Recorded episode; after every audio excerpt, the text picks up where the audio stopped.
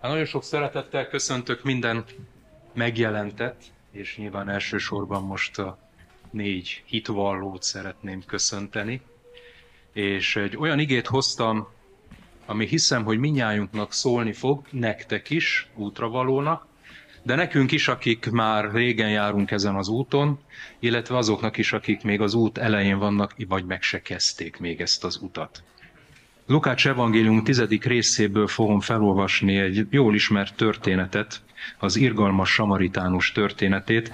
Eddig átunk maradjunk nyugodtan ülve, és így hallgassa meg nyitott szívvel a gyülekezet. Tehát Lukács evangélium tizedik részéből, a 25. verstől olvasom föl Isten igét, amely a következő képen szól. Ekkor felállt egy törvénytudó, hogy megkísértse őt, és ezt kérdezte. Mester, mit tegyek, hogy elnyerjem az örök életet? Ő pedig ezt mondta neki. Mi van megírva a törvényben? Hogyan olvasod? Ő pedig így válaszolt. Szeresd az Urat, a te Istenedet teljes szívedből, teljes lelkedből, teljes erődből és teljes elmédből, és fele barátodat, mint magadat. Jézus ezt mondta neki. Helyesen feleltél, tedd ezt, és élni fogsz.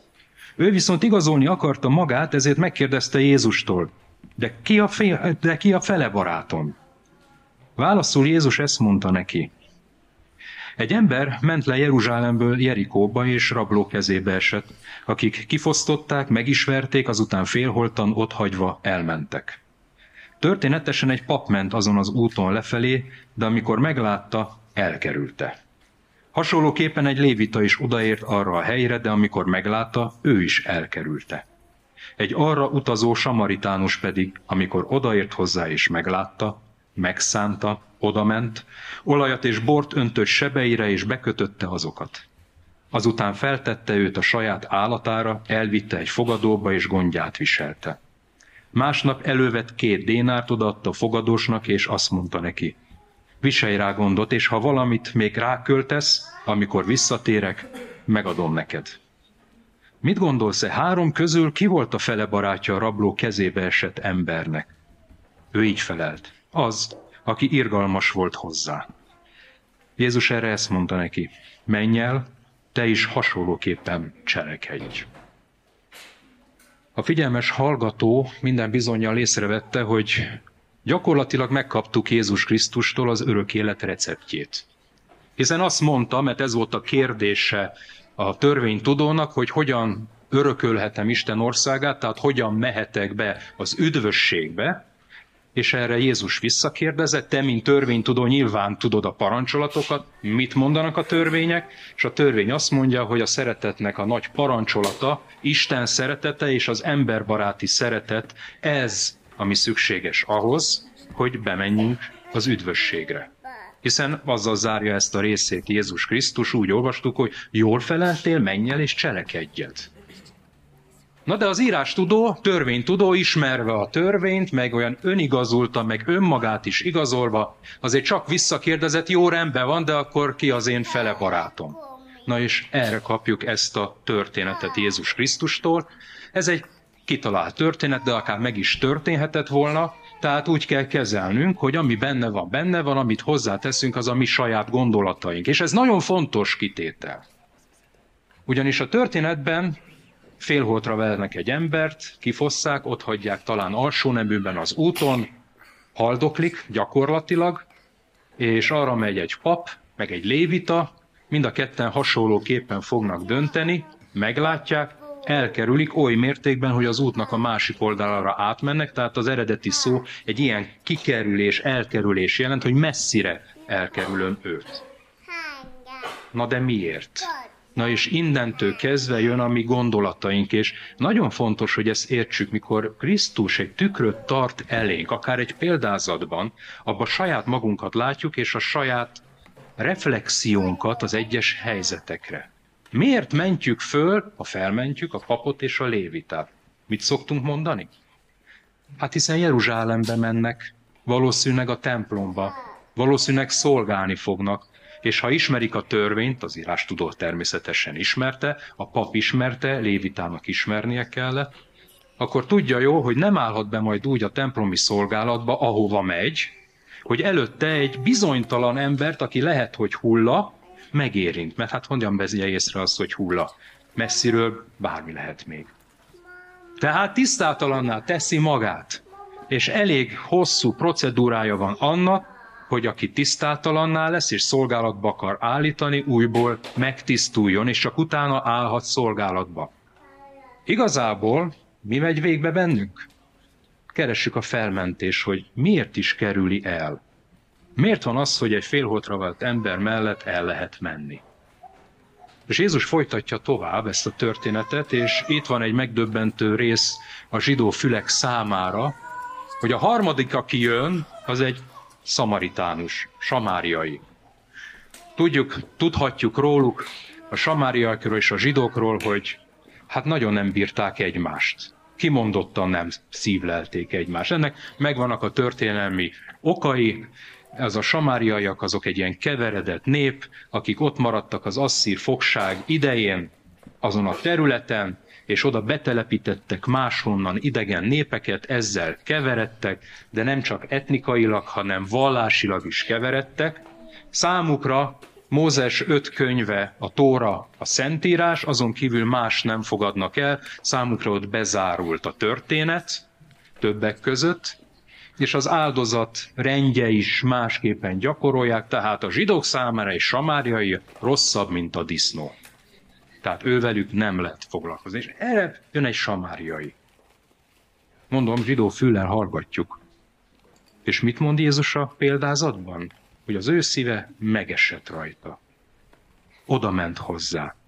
Azt látjuk, hogy szemügyre veszi, alaposan megvizsgálja, felállítja a diagnózist, pazarló módon ráönti az olajat és a bort, ez is ezt fejezi ki, hogy nem sajnálta, jó alaposan kitisztította a sebeket, saját ruháját valószínűleg abból adott rá, illetve bekötözte, tehát csak szét kellett tépni akkor a ruháiból valamit, hogy be tudja kötözni a sebeket, felteszi a hátas állatára, elveszi, elviszi egy vendéglőben, ott vele van, éjszakát végig tölti mellette, Gondolom nézte, hogy túléli az éjszakát-e vagy sem, hiszen azt mondjuk, hogy törődött vele, és másnap ott hagy két dénárt, az két napi fizetésnek felelt meg, és a korabeli felírások vagy feljegyzések alapján ez egy dénár az egy havi ellátás jelente. Tehát egy napot dolgoztál azért, hogy egy hónapig ellássanak téged egy vendéglőben. Nem rossz ez egyébként a turizmus szempontjából. Ma nem ezek az értékek vannak. De ott ennyire elég volt, tehát ez a két dénár, az két havi teljes ellátás jelentett. És ezt még megfejeli azzal, hogyha még költené rá, akkor nyitott végű, hogy azt majd megtérítem. Bármennyit. Bármennyit. Amire szüksége van, azt ki fogom fizetni. És miért? Se kutyája, se macskája, egyszerűen ott látta, hogy szükségletben van. Megtette. Határtalan módon kifejezte felé a szeretetét. Ezzel szemben a két írástudó, vagy hát a lévita és a pap, annak meg határai voltak a szeretetének. Eddig. Megvan az indokom. Nagyon jól alátámaszható indok, hogy miért kerülöm el. Hát milyen fenséges hivatásom van, hogy majd az élő Isten szolgálom a templomba.